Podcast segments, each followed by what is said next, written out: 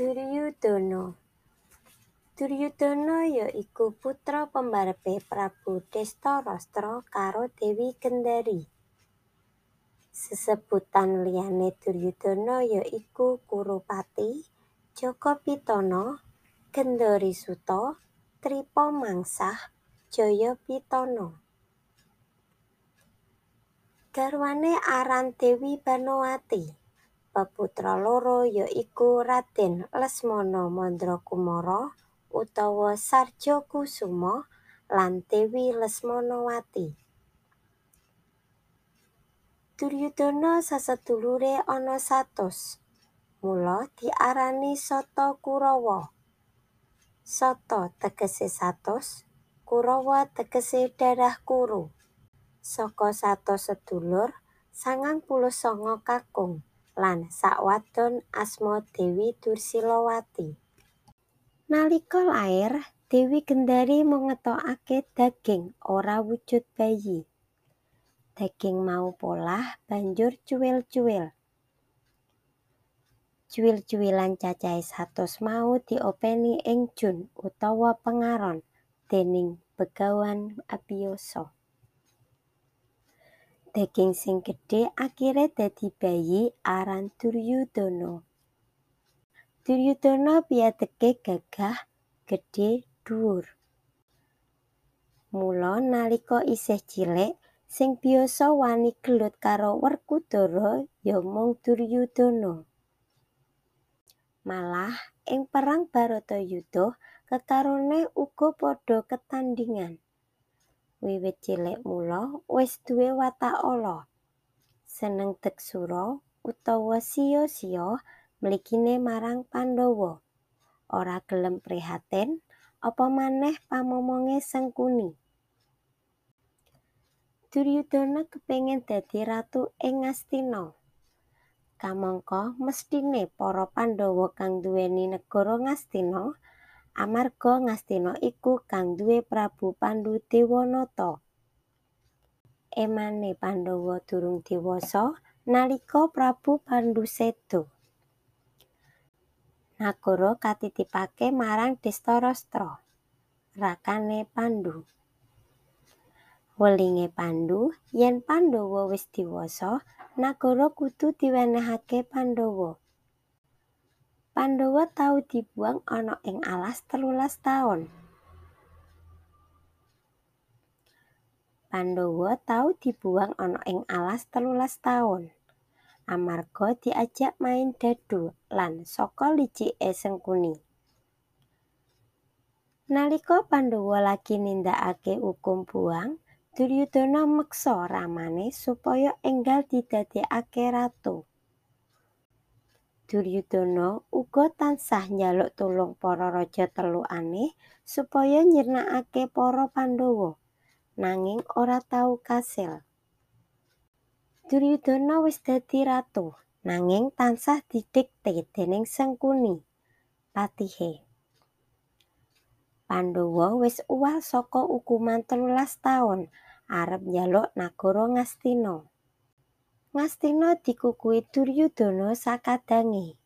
Iki sing njalari anane perang gedhe Baratayuda.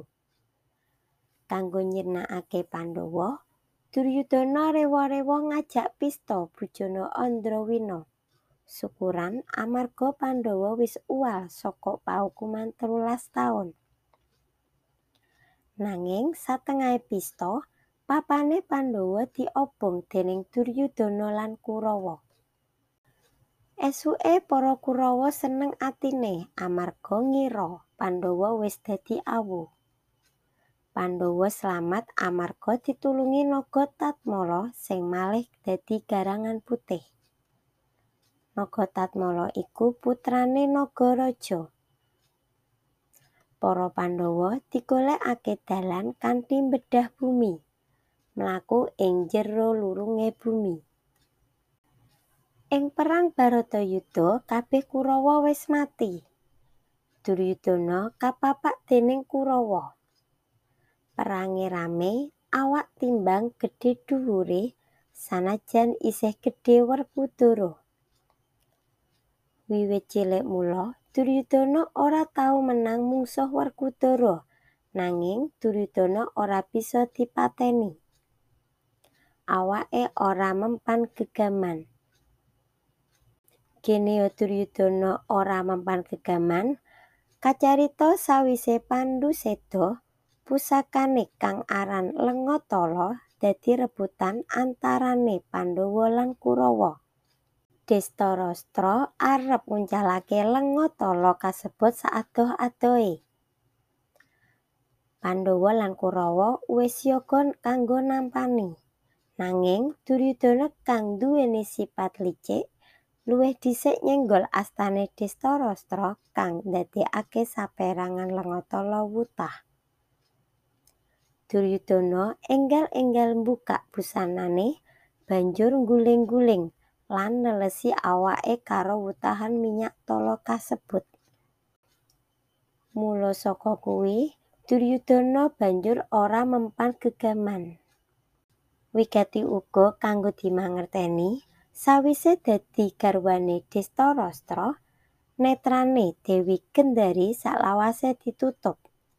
Tandha bektiné marang kakung ya iku Prabu Dhestharastra kang wuta. Amarga setyané iku, nalika mbukak netrané cumlorot cahya.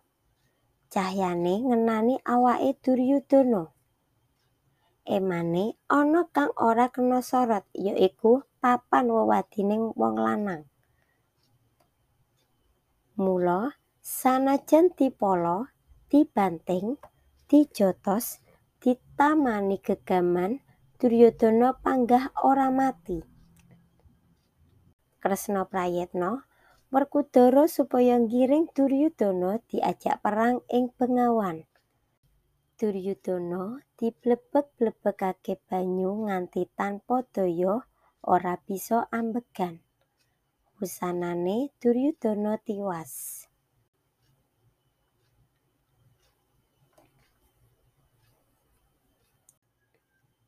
Arjuna Arjuna iku putrané angka telu Prabu Pandhu Dewanata ing negara Ngastina karo Dewi Kunthi.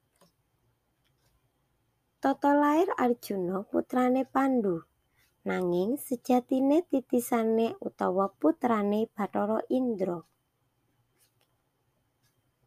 Sesebutan liyané ya iku Janaka, Permadi, Pamadi, Dananjaya, Indratanaya, Palguna, Jahnawi, Kumbang ali-ali. Janaka nduwé watak grapyak, solah bawané sarwa sareh, seneng tetulung.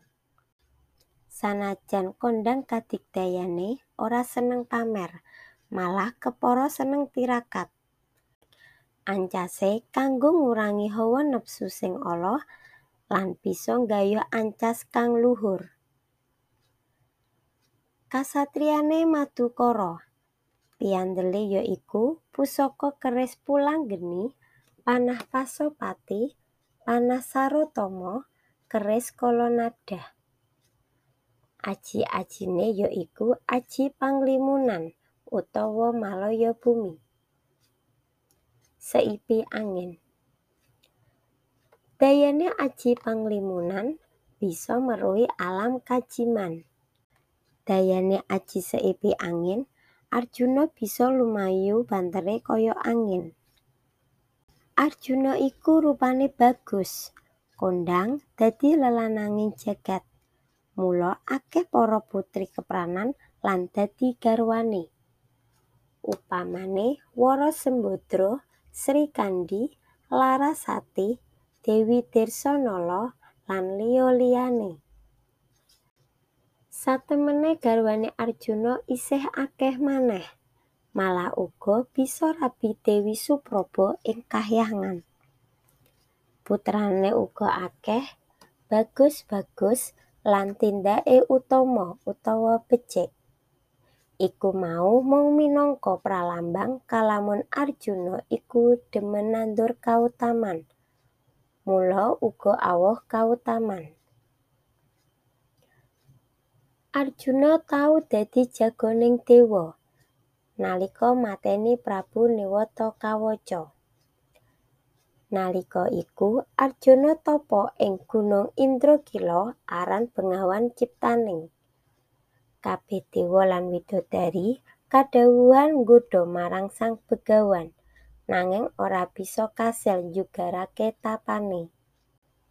Mula antuk nugraha saka Dewa Brahma diparingi Dewi Dirsanala banjur peputra Bambang Wisanggeni. Ing pertapan iku uga Arjuna antuk nugraha panah Pasopati. Arjuna munggah ing kahyangan ngadepi raseksa Niwatakawaca sing wis ngejeki kahyangan. Niwatakawaca mati kataman panah Pasopati. Arjuna diparingi nugraha Dewi Supraba lan dadi ratuning dewa sanajan mung sauntara dina. Ing perang Baratayuda, Arjuna dadi senopati Pandhawa ngadepi Basukarna. Arjuna numpak kreta dikusiri Prabu Kresna. Nalika gelunge kena panahe Karna, Arjuna nglokro, ora gelem maju perang. Karo maneh sing diadepi sedulur tuwa, nunggal ibu. Kresna waspada minangka jejering Wisnu paring wewarah kaprajuritan marang Arjuna. Arjuna bangkit. Karna kena panah Sarotama mati sanalika. Sawise jumenengan Prabu Parikesit, putune Arjuna, Arjuna sasedulur lelana. Ing pinggiring samudra, Arjuna ketemu Dewa Agni utawa Brahma. Dawuh supaya kabeh gegamane dibuang ing samudra. Sawise nindakake dawuhing dewa, mbacotake laku. Ing segara wedi Arjuna mati, sumusul adine Nakula lan Sadewa. Kapethik saka buku Mutiara Rinonce Budi Pekerti ing Pewayangan